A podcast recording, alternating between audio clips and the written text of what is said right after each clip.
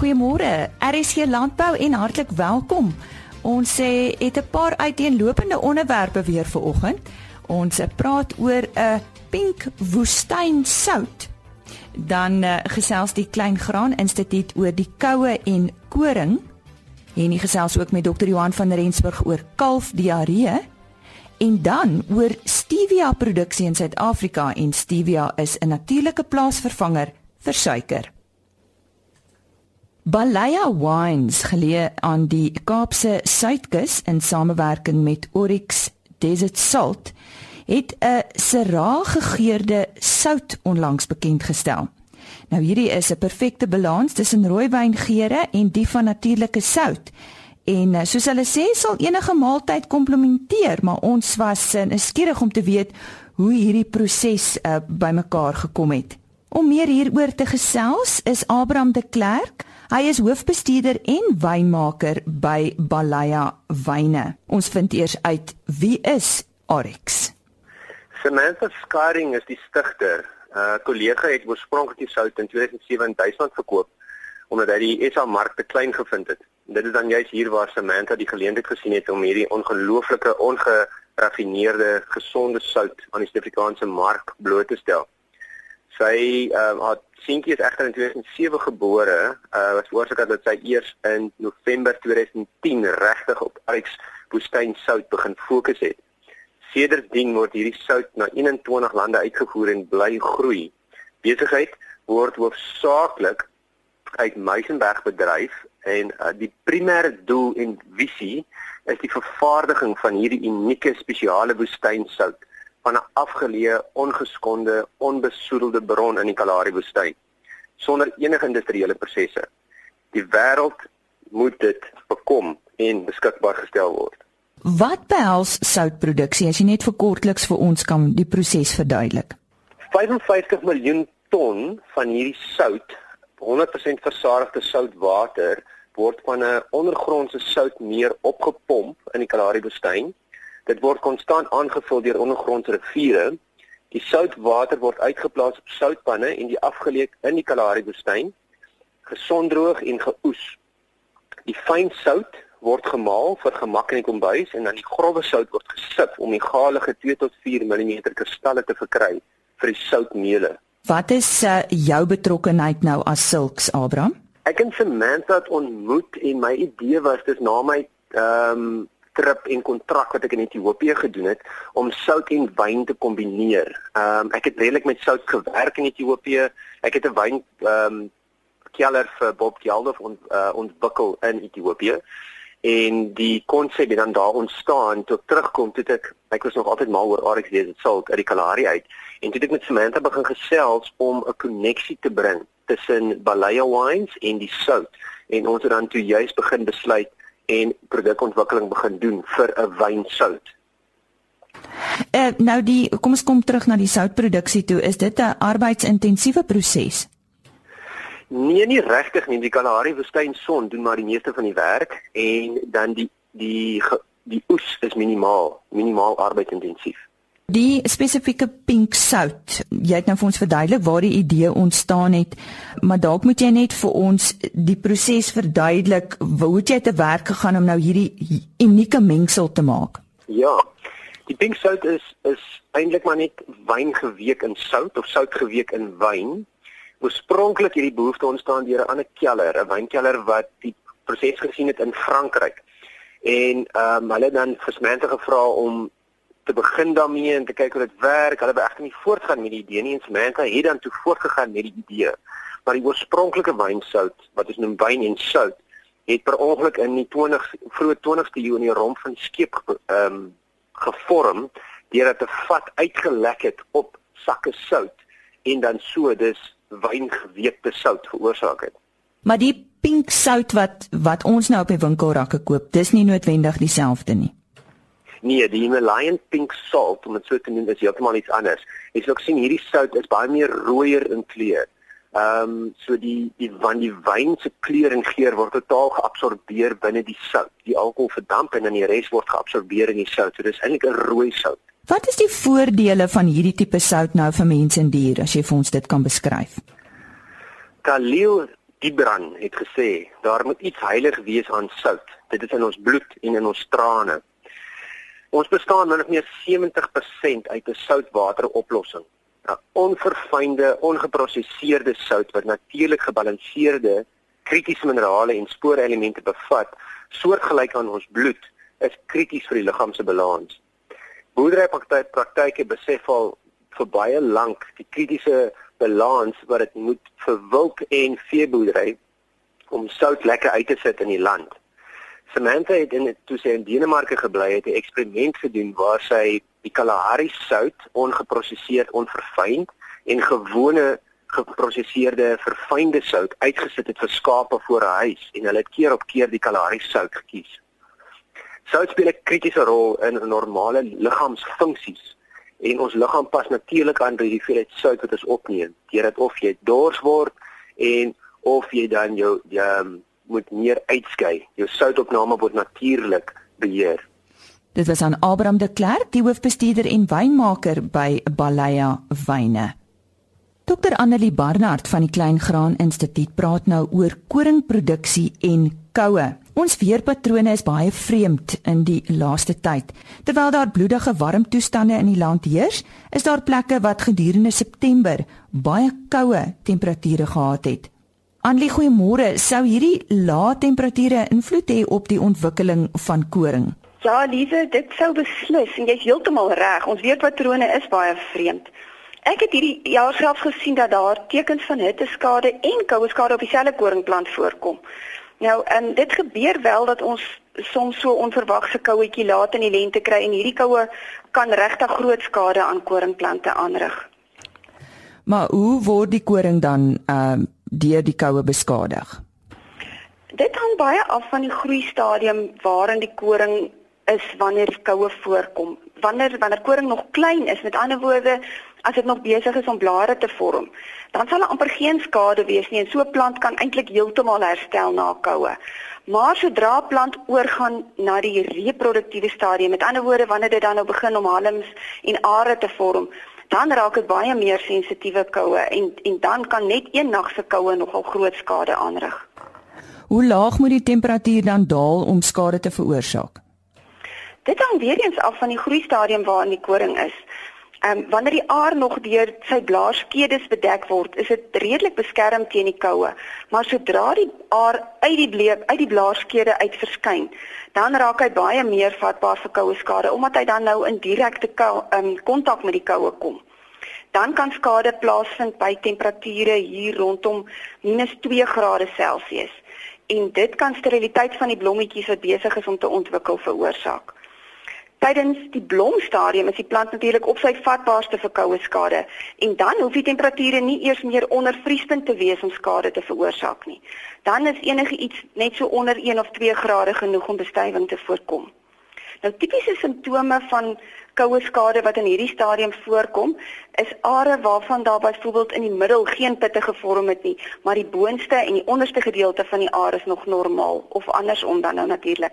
Nou die rede hiervoor is dat koue gewoonlik net in een of twee nagte miskien voorkom en dit sal dan net skade veroorsaak aan hierdie dele van die van die aar wat op daai dag van die koue gevoelig was vir skade.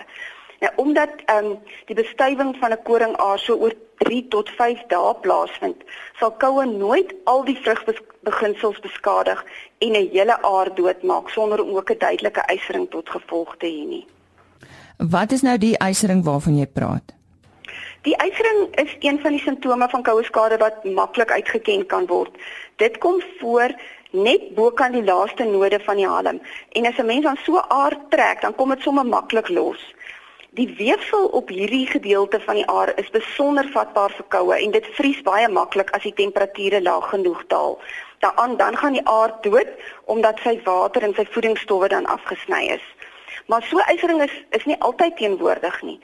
Soms wanneer daar water rondom die kraag van die vlag van die vlagplaas versamel het en dit is koud, dan vries hierdie water en die sensitiewe weefsel wat dan met die ys in aanraking is, gaan dan dood en op daai plek uh, maak dit so 'n vaalgroen plek, eh, 'n uh, vlek en hierdie vlek verkleur later en dan kan kan ook soms so ingeduikte voorkoms hê. Maar in albei hierdie gevalle word die stam natuurlik beskadig en dit veroorsaak dan dat graanvol nie volledig plaasvind nie en oesverliese kan plaasvind. Wat moet produsente doen as hulle vermoed hulle koring het skade gekry as gevolg van die koue? Sodra die temperatuur veral in die tydperk tussen aardverskyning en graanvol um laag daal, nou ons praat van onder 2 grade, dan moet hulle maar die plante gaan inspekteer. Um begin eers by die laagliggende gedeeltes, daar waar die kans vir skade groter is en as hulle dan sien dat daar wel skade is, dan kan hulle ook die ander gedeeltes inspekteer. Nou die beste manier om vinnige opname te maak is om deur jou aanplanting te stap en dan vir elke 20 of 30 meter 'n volledige plante ondersoek. Kyk na die skade op die stamme, kyk hoe lyk die are wat nog in die skedes is as die are nog nie verskyn het nie. En indien die koring reeds geblom het of besig is om te blom, maak die blompakkies oop en kyk hoe die graan ontwikkel. Merk sommer so 'n paar are met gekleurde kleefband en en en teken aan wat die groei stadium is en dan gaan kyk weer na so 'n week of of wat of die graan vol wel plaasvind. Indien produsente verseker is teen koue skade, moet die betrokke partye so gou as moontlik aan kennis gestel word. Want dit wil sien 'n mens eers die opbrengsverliese tydens strooptyd en dan is dit bykans onmoontlik om die mate van skade te betaal. Kan produsente jou skakel as hulle enige navrae het? Ja, hulle kan enige tyd. Ehm um, produsente kan my gerus skakel by Kleingraan Instituut. Ons nommer is 058 307 3411 as daar enige navrae is. Herhaal net vir ons daai nommer asseblief Annelie. Dit is 058 307 3411. Ons het daar gehoor van Dr Annelie Barnard en sy is van die Klein Graan Instituut op Bethlehem en het weer haar telefoonnommer 058 307 3411. Ons uh, gesels met dokter uh, Johan van Rensburg. Nou dokter van Rensburg is die hoof van bemarking en verkope by Afriwet. En die onderwerp waaroor ons uh, hierdie keer praat is kalfdiarree. Uh, Johan, wat uh, gee aanleiding tot diarree by kalvers? En daar's verskeie oorsake wat aanleiding gee tot hierdie diarree.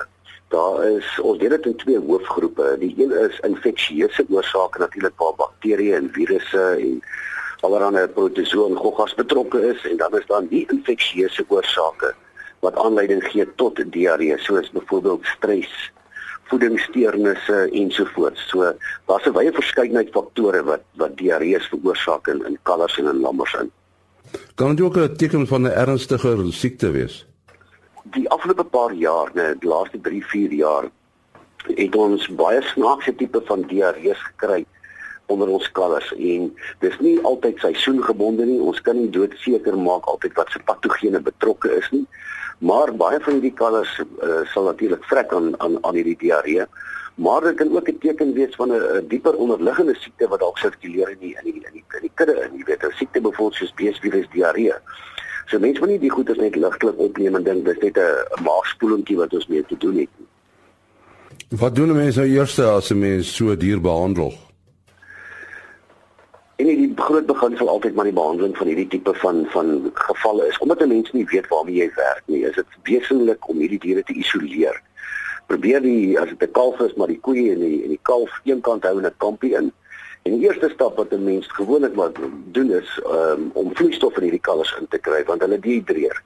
En die oomblik as hulle begin dehydreer na 'n verlies aan kalium en natrium en allerlei minerale dan lei dit tot nierversaking en allerlei sekondêre probleme binne in die in die, in die kalf self. So daar's 'n sekere behandelingsregime wat 'n mens kan volg, né? Nee?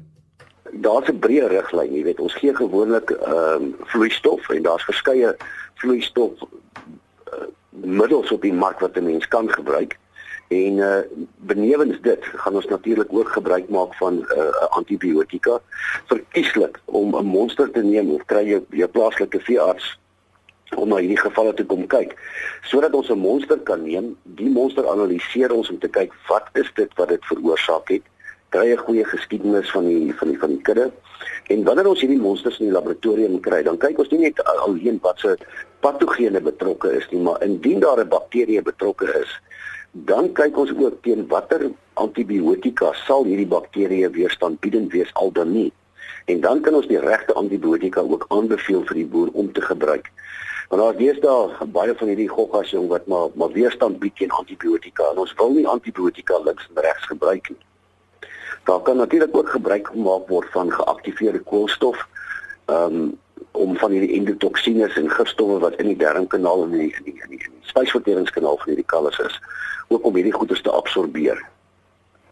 Nou uh as 'n mens uh 'n omgekrapte maag het, dis nou 'n mens, dan is probiotika is uh, nogal iets wat mense aan dink. Dis seker maar dieselfde by kalvers. Absoluut. En weet jy, dit is iets wat ons vir vir baie jare het ons die gebruik van van van van probiotikas onderskat eintlik in in dieregesondheid, veral in in kalvers in en in, in lammers in. En uh, daar's 'n paar baie mooi probiotikas wat gebruik kan word waar ons die mikroflora aanvul van hierdie kalvers want ons moet onthou op die einde van die dag is dit die mikroflora hierdie bakterieë ensovoorts dis hulle wat maar eintlik daai hele spysverteringsstelsel van hierdie herkouer aan die gang hou jy weet en met 'n met 'n loop maag natuurlik is daar baie verdunningseffek en 'n uitspoel en uitwas effek van van hierdie organismes So die gebruik van van probiotika is vir my hoogs aan te beveel by by diere wat diarree het. Ja, weer die analogie met mense. Uh mense word gewoonlik op 'n drip gesit as daar dehydrasie voorkom. Ek weet nie hoe dit met kalvers is nie. Ja. Baie baie keer as dit baie waardevolle diere is, jy weet hulle is baie erg gedehidreer dan uh, as jy hierso hoor as 5 7 10% van die hydrasie vlakke begin gaan absoluut dan sal ons hulle op 'n drip sit en om hierdie vloeistof natuurlik in die sentrale kompartement te kry en die dier se diere aan die gang te kry en aan die gang te hou. Maar baie van die kere as dit die diere nog nie baie ontwater is nie, kan jy met gewone orale of mondelingse aanvulling van water wat gemeng is met elektrolyte ensovoorts kan dit ook die werk doen. En dan is daar gifplante wat ook 'n probleem kan wees, nê? Nee? Absoluut. En weet jy in hierdie tyd van die jaar En ons het nou lieflike reën begin kry in in verskeie dele van van Suid-Afrika. Maar jou gifplante is gewoonlik jou plante wat heel eers ook sal uitloop uh, na die winterseisoen. En um, ons het ook dan naïewe diere, diere wat baie honger is en weet as jou jong diere, hulle hulle het nog nie geleer van van watter is hierdie gifplante wat ma en pa die eet nie weet. En ehm um, So die kans dat hulle gifplante kan kan vreet hierdie tyd van die jaar en daar's heelwat van hulle wat natuurlik diarree veroorsaak soos jou slangkop van jou hartglikosiedplante ensovoorts en wat natuurlik dan ook tot 'n diarree kan lei en dan is dit natuurlik ook nie 'n infeksieuse oorsaak nie maar 'n plantaardige oorsaak. Nou sal mense ook geaktiveerde koolstof gebruik in so 'n geval. Verseker, jy weet, en geaktiveerde koolstof soos ek voorgenoem het ook. Dis 'n baie ou ding, 'n ou middel maar sy sy werking is is is so pragtig nog jy weet waar jy met enige die tipe van 'n diarree ehm um, is daar altyd 'n wanbalans wat begin plaasvind. En jy kry sekere groepe bakterieë as dit nou gram negatiewe bakterieë of wat ook al wat begin oorgroei of selfs van hierdie plantgifstowwe wat in die darmkanaal die spysverteringskanaal kan wees. En hierdie geaktiveerde koolstof is amper soos 'n badspons en jy weet hy hy bind al hierdie gifstowwe wat wat in die darmkanaal in is. En jy kan nooit jy kan nooit te veel of te min van dit gee nie. Dit is altyd 'n goeie wenk om maar so 'n pakkie geaktiveerde koolstof waar by 'n plaaslike veearts of by die apteek te kry en hou dit maar daar op jou rak. Dit is altyd wesentlik om dit te gebruik. Ja, ons hartlike dank aan Dr. Johan van Rensburg van Afriwet. Afriplex in die Parel in die Wes-Kaap is 'n bekende maatskappy wat inheemse kruieprodukte vervaardig vir die gesondheidsmark. Hulle het onlangs bekend gemaak dat 'n baanbreker projek geloods word om plaaslike stevia, 'n gesonder alternatief tot suiker, te koop. Ek gesels nou hieroor met Donnie Malherbe, hy's projekbestuurder van Afriplex.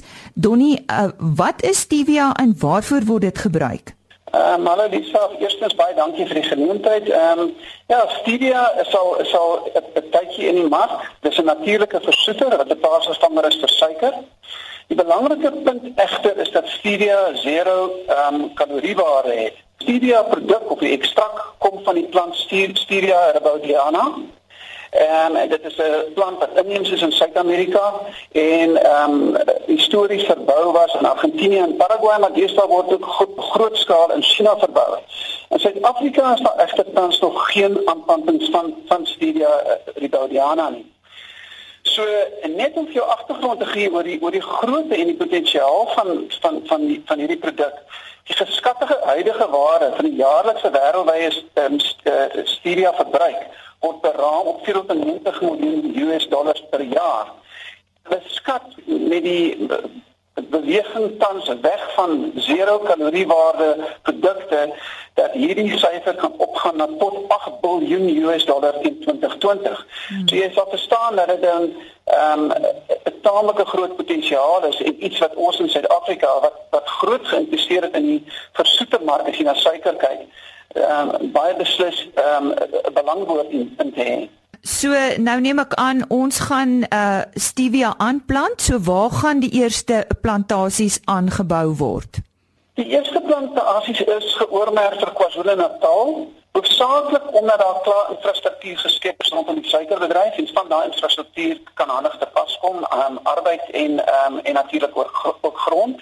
So KwaZulu-Natal en dan gedeeltes van Mpumalanga is aanvanklik geoormerk, maar ons gaan ons nie noodwendig daardeur ehm um, ons kan moontlik na alternatiewe areas ook kyk soos soos wat die projek vorder. Hmm. So wanneer word die projek nou geloods? Die projek het eintlik klaar ehm um, afgeskop. Die lewensvatbaarheidstudie is klaar gedoen. So ons is al klaar op pad af met die projek en dit is 'n 5 jaar program. So dit gaan 'n dit gaan 'n hele dit, dit gaan ten minste oor 5 jaar uh, uh, plaasvind. Hmm. Is dit dan verskillende fases waarna jy verwys? Heeltemal korrek. Ons ons die fases is basiese agro-ekonomiese evaluering en dis waarmee ons nou besig is.